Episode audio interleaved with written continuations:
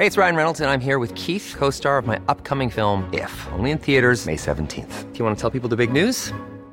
All right, I'll do it. Sign up now and you'll get unlimited for $15 a month in six months of Paramount Plus Essential Plan on us. Mintmobile.com slash switch.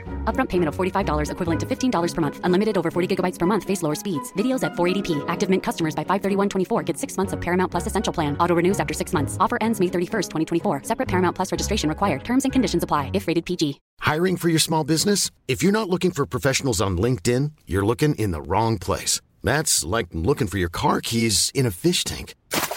LinkedIn helps you hire professionals you can't find anywhere else, even those who aren't actively searching for a new job but might be open to the perfect role. In a given month, over 70% of LinkedIn users don't even visit other leading job sites. So start looking in the right place. With LinkedIn, you can hire professionals like a professional. Post your free job on linkedin.com slash people today. Millions of people have lost weight with personalized plans from Noom. Like Evan, who can't stand salads and still lost 50 pounds. Salads, generally, for most people, are the easy button, right? For me, that wasn't an option. I never really was a salad guy. That's just not who I am. But Noom worked for me. Get your personalized plan today at Noom.com. Real Noom user compensated to provide their story. In four weeks, the typical Noom user can expect to lose one to two pounds per week. Individual results may vary.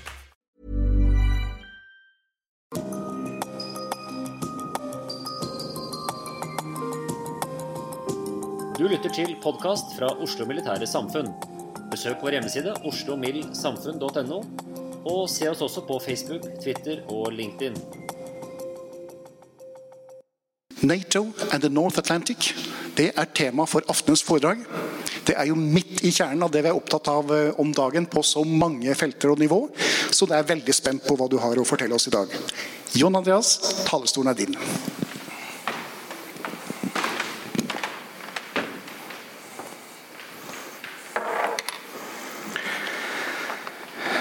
Ærede forsamling, takk for eh, en strålende introduksjon, formann. Generaler, admiraler, godt å se så mange eh, kjente, kjente fjes. Det er godt å være her.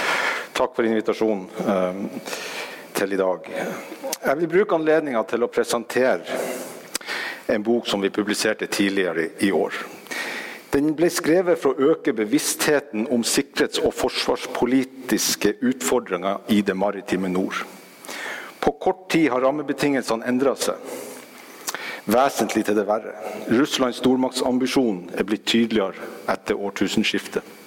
Kort sagt, russisk evne til nektelsesoperasjoner i Nord-Atlanteren er en økende utfordring for norsk og alliert sikkerhet.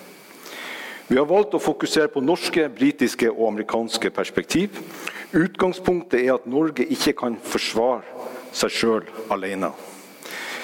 Eh, samtidig som vi innser at Nato står overfor store utfordringer som påvirker deres evne til å støtte Norge og vårt nærområde.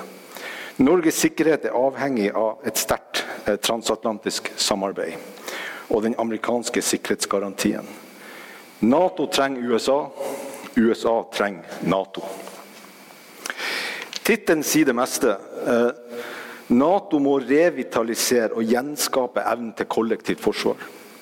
I en tid hvor det sikkerhetspolitiske landskapet er i bevegelse, er det viktig at vi tenker klart rundt våre kjerneoppgaver. Alliansen dekker et bredt spenn av oppgaver, og disse er veldig godt beskrevet i det strategiske konseptet. Men når alt kommer til alt, handler Nato om to ord kollektivt forsvar. Denne solidaritetserklæringa fra 1949 om at et angrep på ett Nato-medlem er å anse som et angrep på alle, eh, må igjen prege vår forsvarsplanlegging. Eh, ikke bare planlegging, men også vår strategiske kommunikasjon. Så min disposisjon i dag er tredelt. Først vil jeg si litt om boka. Så vil jeg si litt om norsk sikkerhetspolitikk i nord. Og så vil jeg avslutte med bokas anbefalinger og konklusjoner. Mange av dere kjenner eller kjenner til eh, forfatterne som vi har valgt eh, fra øverste hylle. General Philip Breedlove fra US Air Force har skrevet forordet. Han var Supreme Allied Commander Europe i brytningstida 2013 til 2016. Rolf Tamnes, professor ved Institutt for forsvarsstudier. Han var direktør ved IFS i 16 år, fra 96 til 2012. Svein Effjestad, sikkerhetspolitisk direktør i EFTE. Han var ekspedisjonssjef for sikkerhetspolitisk avdeling FT2 for de innvidde i 18 år. Eh, Malcolm Chalmers er professor og nestleder ved RUSI i London. Viseadmiral Peter Hudson, Royal Navy. Han var forrige sjef for Natos Maritime Command i Northwood utenfor London. Hans medforfatter, dr. Peter Roberts, er pensjonert sjøoffiser og en sentral aktør på RUSI i dag. Dr. Jon Hamre er president for Center of Strategic eh, International Studies, CSIS, med hovedsete i Washington DC. Hans medforfatter Heather Conley er også fra CSIS. Og til slutt admiral James Stavridis, US Navy. Også han tidligere Supreme Allied Commander Europe Secure eh, for perioden 2009 til 2013. Så vi har med andre ord belaga oss på solid kompetanse, og vi har sikra oss en kombinasjon av dyp militær ekspertise, bred policyerfaring og akademisk tyngde. Og boka dekker nettopp dette grensesnittet mellom sikkerhetspolitikk og det militærfaglige. Så valgte vi å publisere boka hos Rusi i London i deres Whitehall Paper-serie. Det var for å sikre et akademisk nivå, for denne er da fagfellevurdert. Rusi er meget anerkjent, og mange vil hevde at det er den mest fremtredende forsvarspolitiske tenketanken i UK. Sammen med Rusi så distribuerte vi 5000 kopier til sentrale aktører med vekt på militære avdelinger i Nato-strukturen, eh, spesielt USA, UK og en rekke europeiske land. Vi hadde også et ganske seriøst og ambisiøst eh, program for seminarer og konferanser. Et såkalt outreach-program, eh, der vi presenterte denne studien i tolv ulike land. Så dette foredraget i dag avslutter på mange måter prosjekt Nord-Atlanteren i denne omgang. Og det er gledelig å se at dere har fått uh, kopier velsigna av Forsvarsdepartementet. Boka er kort og konsis. Erfaringen fra forlaget er at det er en terskel for oss å lese ei bok hvis hun er over 100 sider. Så vi jobber hardt for å få sideantallet ned. Eh, det er vel Mark Twain som sa at 'if I had more time, I would have written a shorter letter'. Og Vi har også eh, jobba ut ifra den uh, filosofien. Det er en viktig bok, og det skal jeg komme tilbake til, men den er også blitt godt mottatt i fagmiljøet.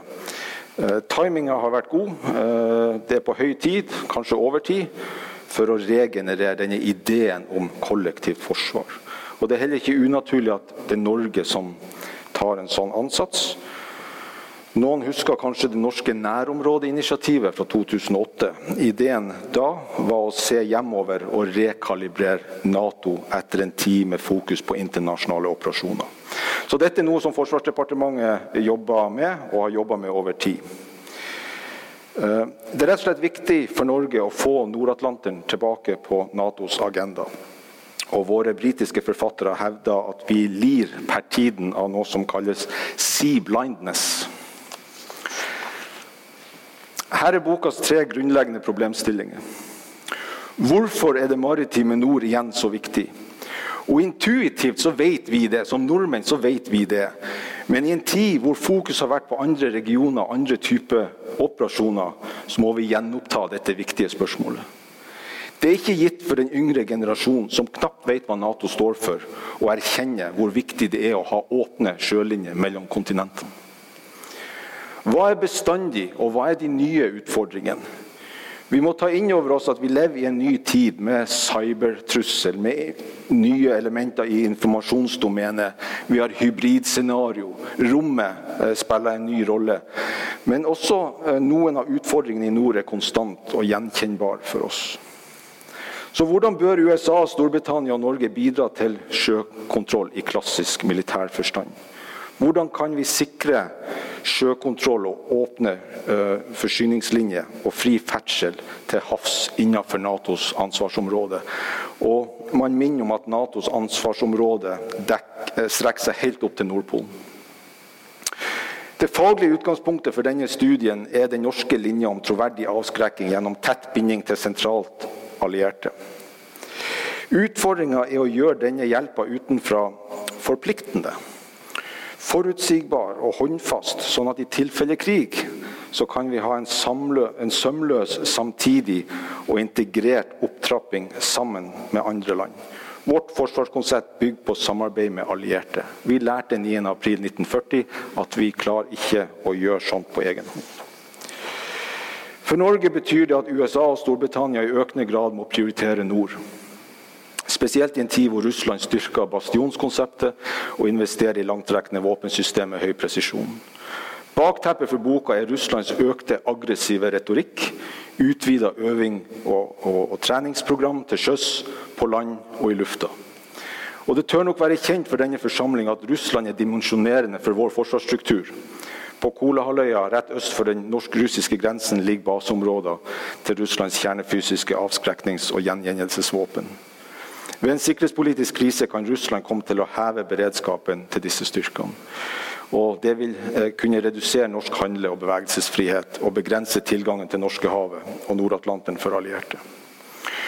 Oslo Militære Samfunn har hatt flere foredrag øh, med Russland som tema i, den senere tid, både direkte og indirekte.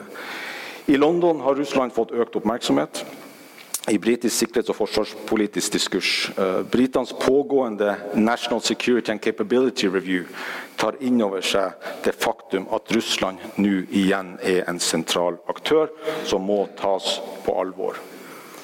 Så Det minner meg litt om en film med Woody Allen, hvor han eh, sier at han sliter veldig med å lese Tolstoys klassiker 'War and Peace'. Han kom liksom aldri forbi de første sidene, så han tok et sånn speed reading-kurs og skrøt til sin venn at han nå hadde lest 'Krig og fred' på 20 minutter. Og Så spør kompisen hva boka handler om. Da var svaret 'It involves Russia'. Og Sånn er det med norsk sikkerhetspolitikk. Uh, 'It involves Russia'. Sånn er det med denne boka 'Nato and the North Atlantic'. 'It involves Russia'. For mine damer og herrer, 27 år etter murens fall og to tiår med internasjonale operasjoner på Balkan og i Afghanistan og andre plasser, så må vi spørre oss de ukomfortable spørsmålene. Er vi tilstrekkelig forberedt på å håndtere en væpna konflikt i våre nærområder? Har Nato riktig og tilstrekkelig med våpensystem? Er Natos kommandostruktur egnet for å håndtere en eksistensiell konflikt? Er Natos kommandoapparat fit for purpose? Trener vi på de riktige tingene? Er beredskapsplanene realistiske? Er klartiden tilstrekkelig? Og har vi nok seighet og robusthet og utholdenhet til å forsvare oss over tid? Hvor sårbar er vi egentlig?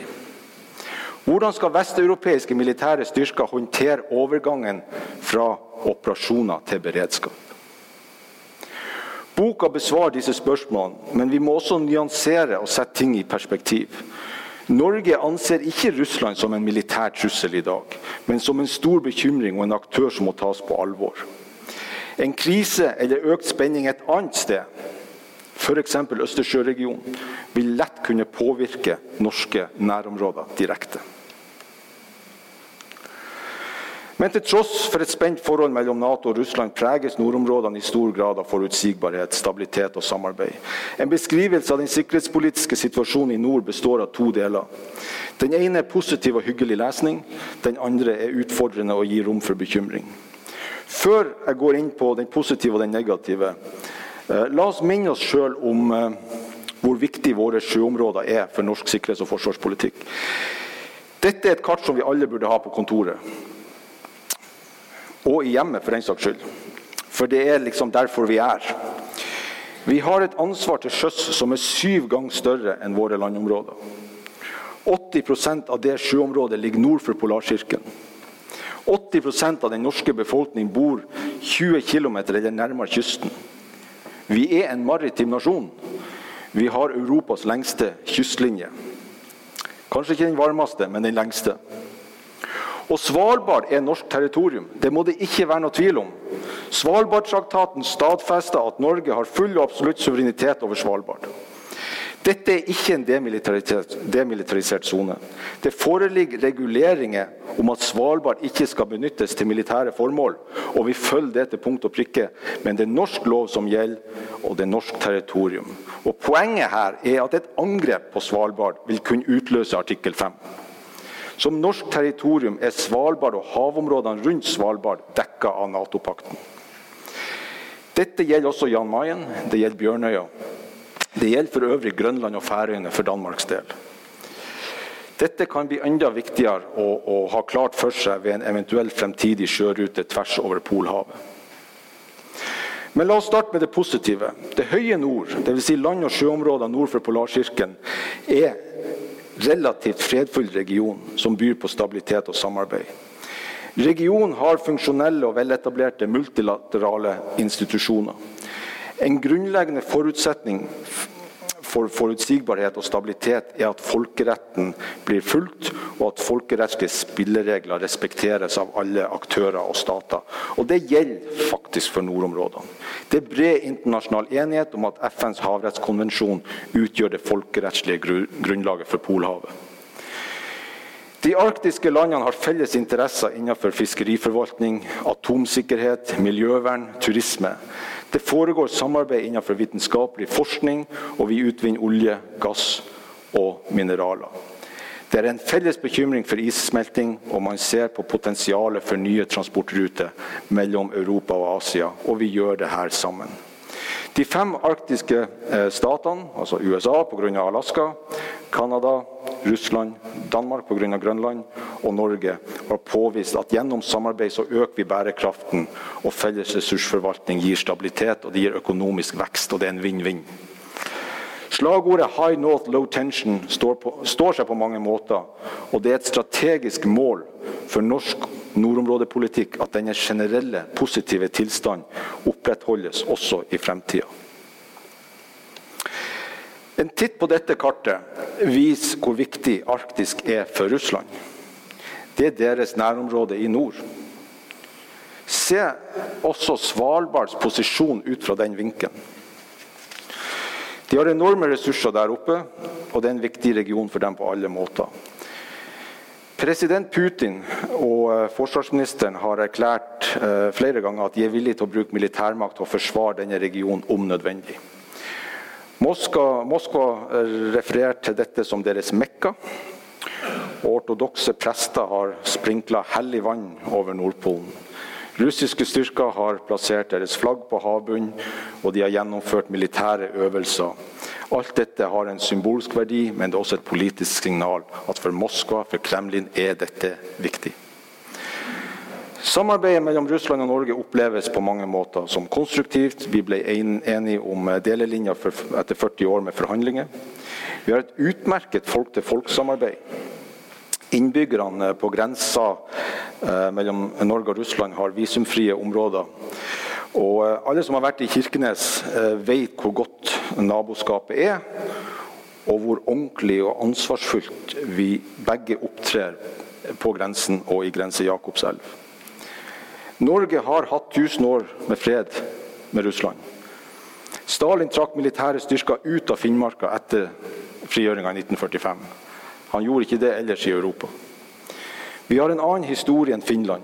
Vi har en annen historie enn de baltiske landene.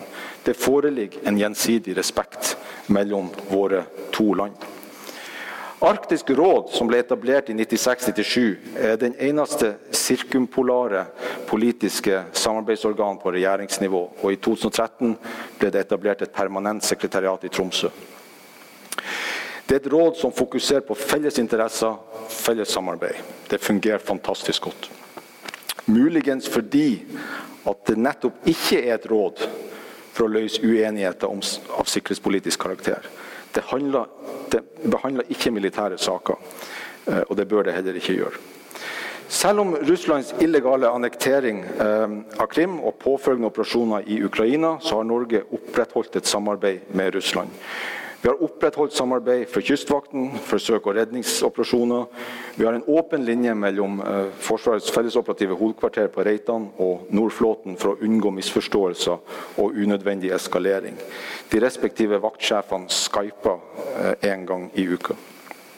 Så har vi opprettholdt Incident at Sea-avtalen. Hensikten med avtalen er å hindre farlige situasjoner at, uh, som oppstår som følge av norske og russiske militære fartøy som flyr og opererer i umiddelbar nærhet av hverandre. Så Delkonklusjonen mine damer og herrer, er jo at relasjonene i nord er preget av fred, stabilitet og samarbeid. Men det er en annen del av den sikkerhetspolitiske eh, debatten og det sikkerhetspolitiske bildet som ikke er fullt så positivt. og Det er når vi går over på den militære eh, dimensjonen og Russlands aggressive tone overfor eh, Nato-land og partnere. Deres eh, moderniseringsprogram som ble lansert i 2008, og deres økte øvings- og treningsnivå og krenking av luftrom til noen av våre naboland. Og spesielt satsing på strategiske ubåter. En ny multirolleubåt av Severovinsk-klassen ble nylig operativ. Denne ubåten er svært stillegående, han er vanskelig å detektere, og han bidrar til å styrke den russiske undervannsaktiviteten. Russland er ikke i nærheten av Sovjetunionen som militærmakt, men Nordflåten har igjen fått en vesentlig plass i russisk strategi. Og landets militære kapasiteter kan bringes inn raskt. De har økt antall stående avdelinger, og de kan settes inn på kort varsel. Og dette er litt av poenget. Denne høye beredskapen gjør at Nato må planlegge på kort varslingstid. Og det er ikke Nato vant til. Moskva satser på ubåter med langtrekkende ballistiske missil med høy presisjon. De har reaktivert og de har utvida bastionsforsvaret. Etter eh, å ha ligget med brukken rygg på 90-tallet, så er Nordflåten igjen en spiller i nord. Og kjernevåpen prioriteres fortsatt høyt. Og Russland opprettholder eh, triaden, denne atomtriaden, dvs. Si bombefly, landbaserte missil og ubåter. De to dominerende parametrene for konvensjonelle våpen er firepower and distance. Kampkrafta handler i økende grad om kvalitet foran kvantitet. Offiserskorpset er også blitt mer profesjonelt. Logistikken er forbedra, og kommandoapparatet er svært effektivt. De har ikke samme behov for konsensus som vi har i Nato. Russland har etablert en arktisk kommando med en arktisk brigade. De har bygd nye garisoner og infrastruktur i nord. Moskva har annonsert planer om 50 operative flystriper innen 2020. Moskva har annonsert planer eh, om å øke spesialstyrker med 30% i Arktis. Russisk media meddeler at Moskva vil stasjonere nye Su-34 multirollefly med luft-til-luft-tankere på Frans Josef-land. Så når noen sier at vi må være forsiktige så vi ikke militariserer Arktisk, vel, Russland er godt på vei. Men vi skal ikke være alarmerende. Men vi skal ikke være naive. Det er ikke ulovlig at Russland utvikler militærmakt og øver på å forsvare sitt territorium. Men de opererer på en mye mer provoserende eh, måte enn Nato.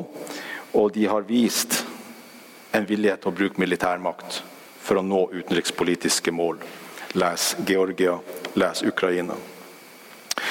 Vi må forholde oss til den virkelige verden og ikke drive ønsketenkning. Vi kan ikke late som om alt er greit her oppe.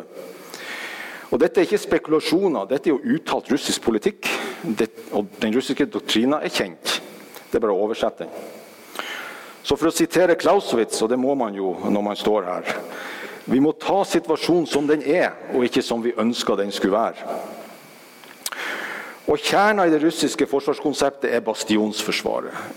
I den indre bastionen så etterstreber de sjøkontroll for å kunne forsvare strategiske ubåter utenfor Kolahalvøya, som er deres isfrie havn.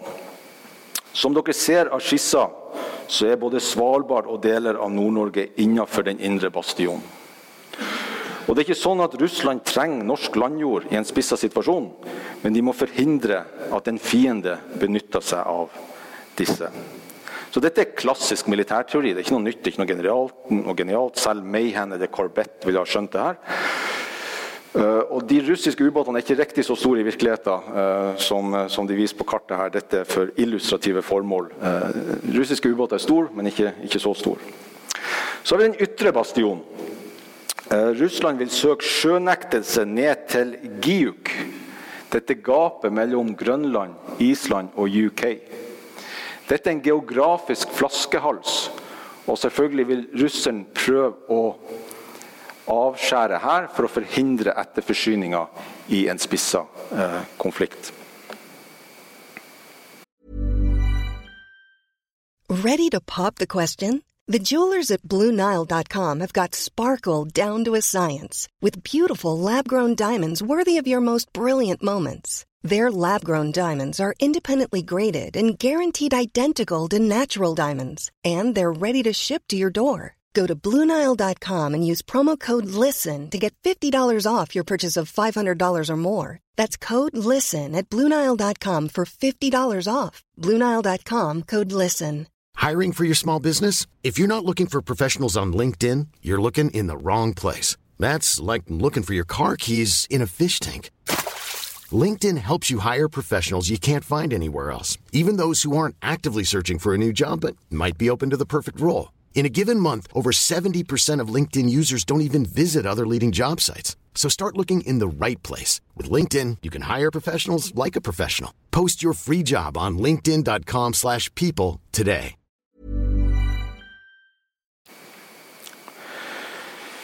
Forsvaret av Norge og nordflanken tar utgangspunkt i åpne sjøveier. Og for å bruke analogien fra George Orwells 'Animal Farm', så er dette binært. Det er ikke en gråsone.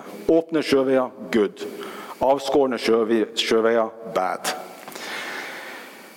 Det ville vært eh, svært ugunstig for hele Europa om russiske ubåter med ballistiske presisjonsvåpen med lang rekkevidde ligger i Norskehavet eller under Norskehavet. For de vil kunne treffe mål i hele Europa. Norges bidrag til å forsvare nordflanken er et bidrag til Natos kollektive forsvar. Og Hvis dere ikke stoler på en oberst fra Luftforsvaret, så stol på en amerikansk admiral som virkelig vet hva han snakker om.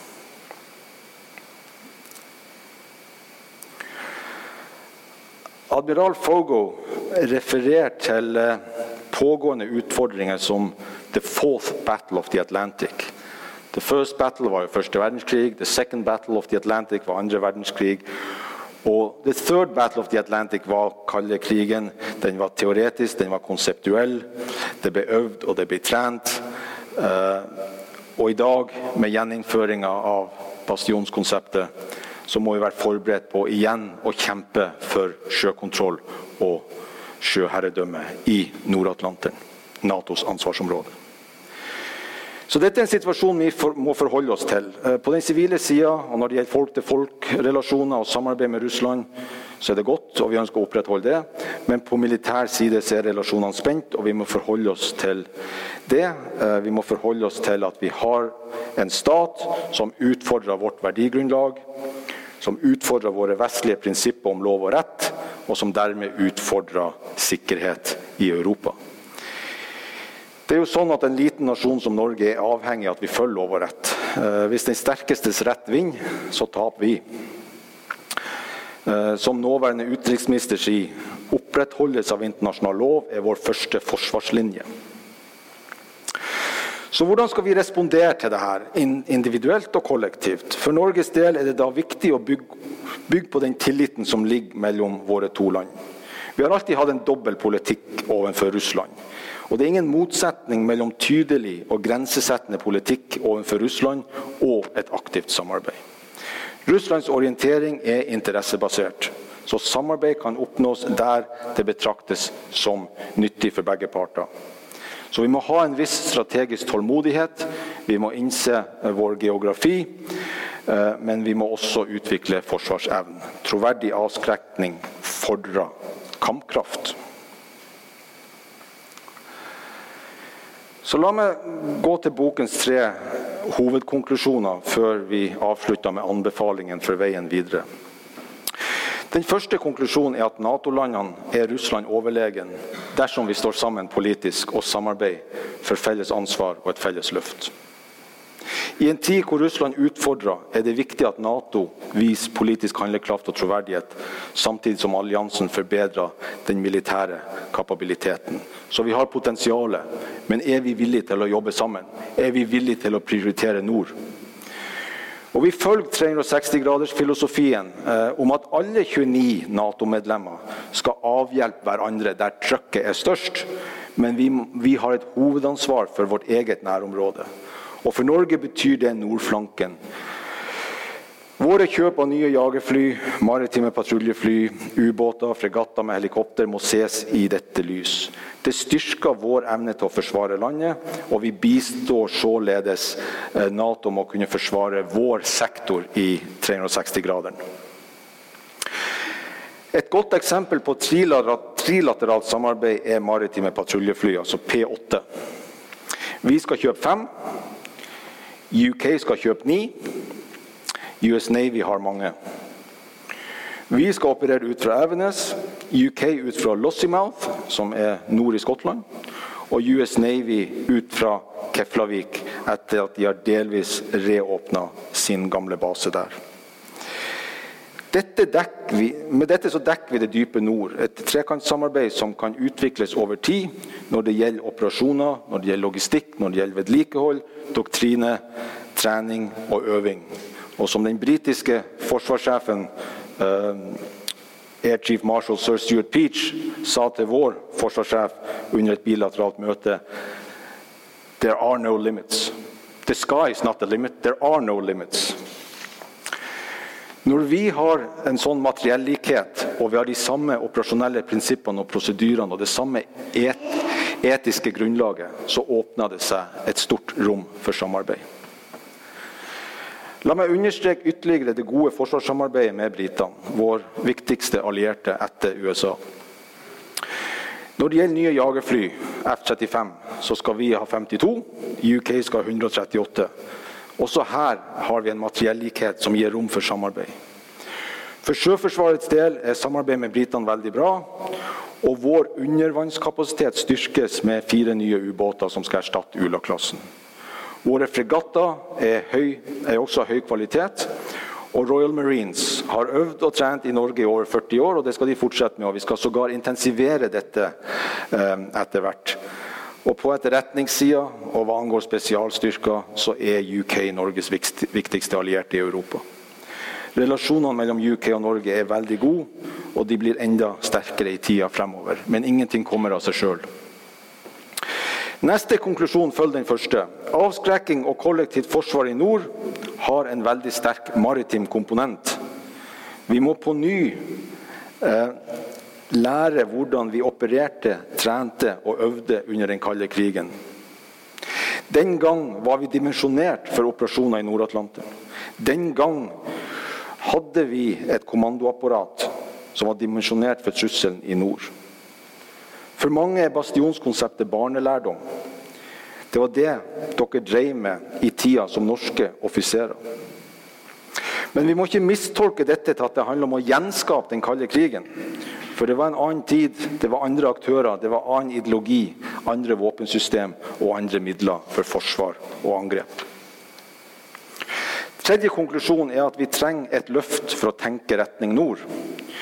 Mye ligger i å utvide eller styrke den europeiske kommandostrukturen og gjenskape en sterk kobling til USA. Jeg kommer litt tilbake til dette eh, straks, men forsvaret av Norge og Europa fordrer et sterkt transatlantisk bånd. Det underliggende er at Nato må se på Nord-Atlanteren som et eget ansvars- og operasjonsområde. Dette er litt sånn nøkkelpunkt. Og her har USA, UK og Norge en spesiell rolle. USA er verdens ledende militærmakt. UK er Europas ledende militærmakt, og det vil også vedvare etter brexit.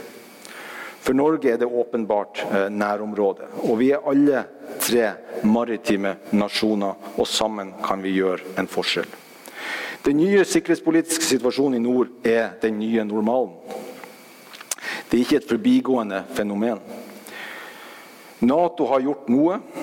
Ikke minst eh, har flere land, eh, inklusive Norge og UK og Tyskland, Canada, USA, deployert styrker til de baltiske landene og Polen. Det såkalte enhanced forward presence. Men dette er i all hovedsak bakkestyrker med noe luftoperasjoner i form av Baltic Air Policing. Så det er et bra første skritt, men bokas forfattere mener at vi må utvide konseptet med å styrke den maritime dimensjonen.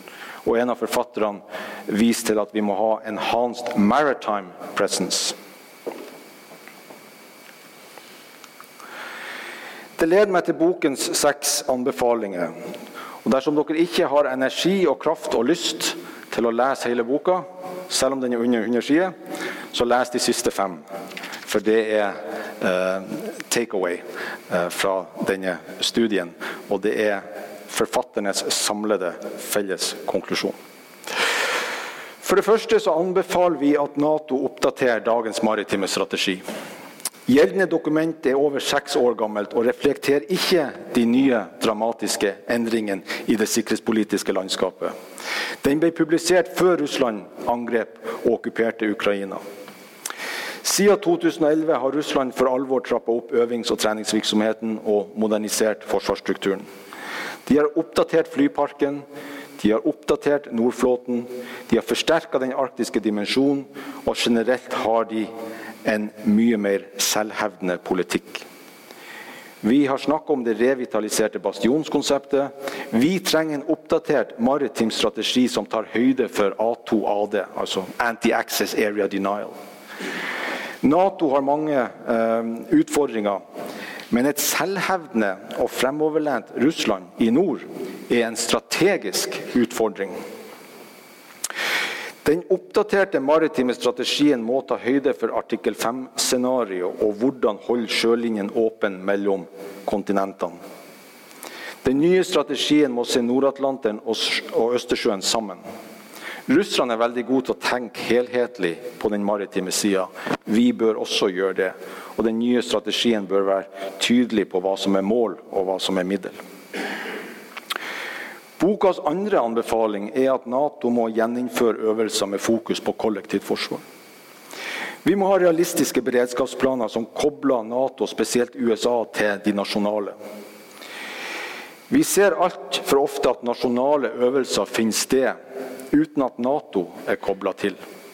Og Dette er virkelig sånn missed opportunity Hvorfor ikke gjøre det her sammen i Nato-rammen og få den felles erfaringslæringa? Vi må øke samhandling og samtrening, og vi må kommunisere dette. Spesielt undervanns- og overflateoperasjoner. Det er også et element av avskrekningspolitikk. At Royal Marines og US Marine Corps og nederlandske Marine Corps trener sammen med Norge, er en del av avskrekkinga. Det viser at allierte tar Norge på alvor. Vi har en unik mulighet til å maksimere alt dette i forbindelse med den store Nato-øvelsen som Norge skal være vertskap for eh, neste høst, eh, vinter, eh, oktober-november. Trident Juncture. High Visibility Exercise. Det finner sted hvert tredje år, og i 2018 er det Norge som, som er vert. Og det er en artikkel 5-scenario. Vi må også trene og øve på forsterkninger fra USA. Jeg vet ikke om det er mange her i rommet som husker Reforger. Altså øvelser under den kalde krigen. 'Return of forces to Germany'. Ja, Sånt må gjenopptas. Det er en ferdighet som vi må ta opp igjen. Denne øvings- og treningsvirksomheten må også kobles til militær tilstedeværelse. Ved kontinuerlig norsk nærvær i utsatte områder så sikrer vi oss god etterretning og et godt situasjonsbilde. Vi sender et signal om at dette området er viktig for oss. Og Når vi er der, så kan vi håndtere ting der og da. Responstida er kort. Men hvis de ikke er der, så må vi sende styrker frem dit. Og da blir det politisk sett en eskalering av situasjonen. Så det er mange grunner til å styrke eh, nærværet vårt. Den tredje anbefalinga i boka er kanskje den viktigste. Natos struktur er ikke dimensjonert for kollektivt forsvar. Og den er ikke eh, kapabel til å håndtere en konflikt i nord. Dagens struktur med Brunsum og Napoli er dimensjonert for out of area.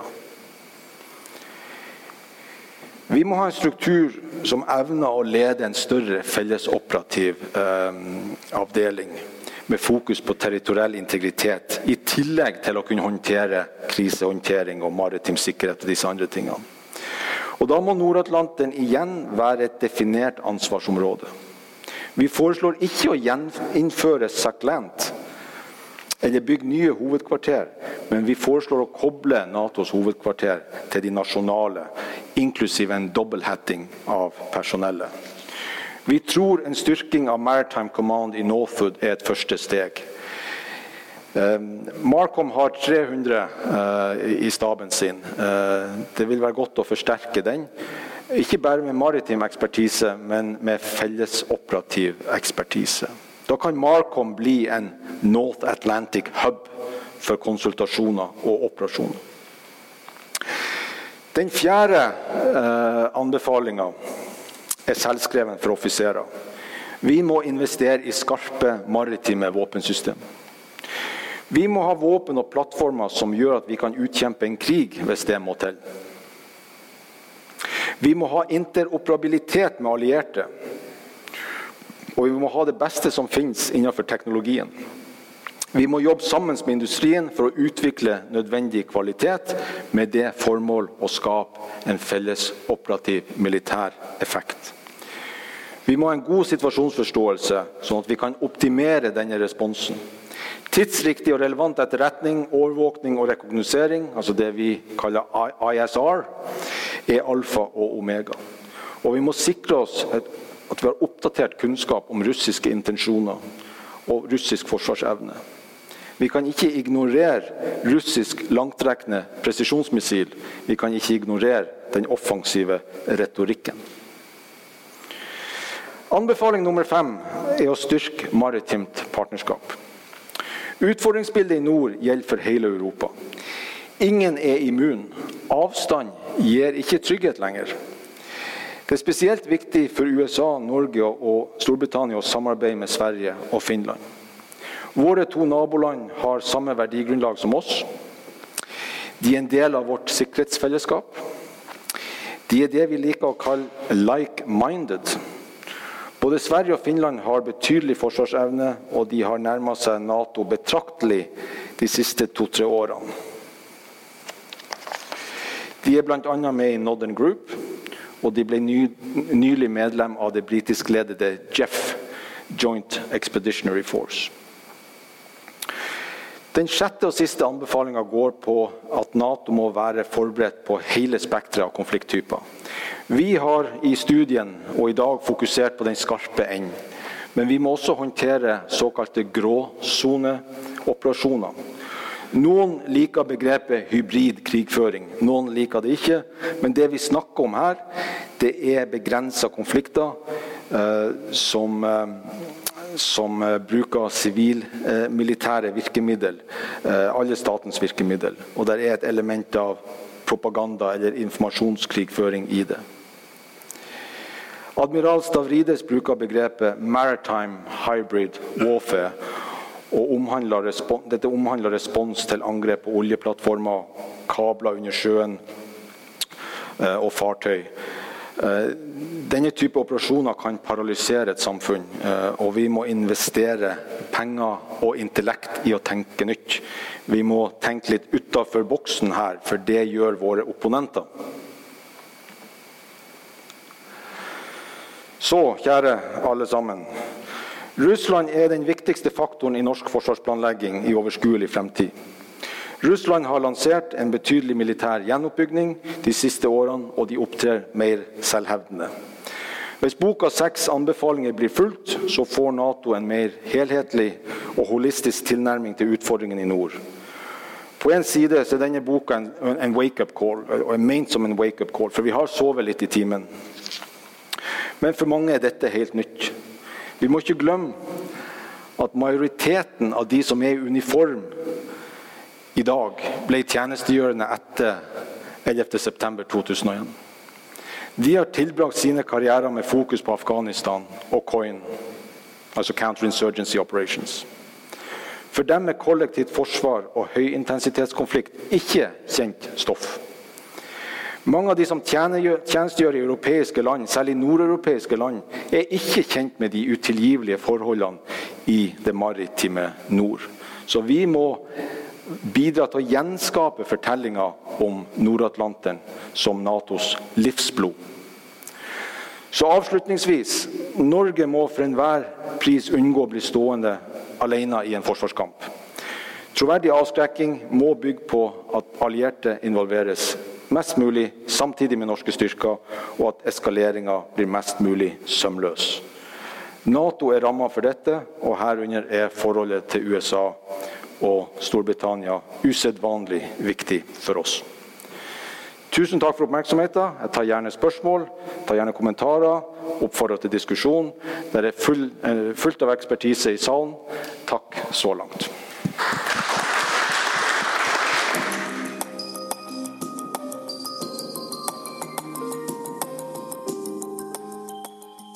Podkast fra Oslo Militære Samfunn. Besøk vår hjemmeside oslomildsamfunn.no, og besøk oss gjerne på sosiale medier som Facebook, Twitter og LinkedIn.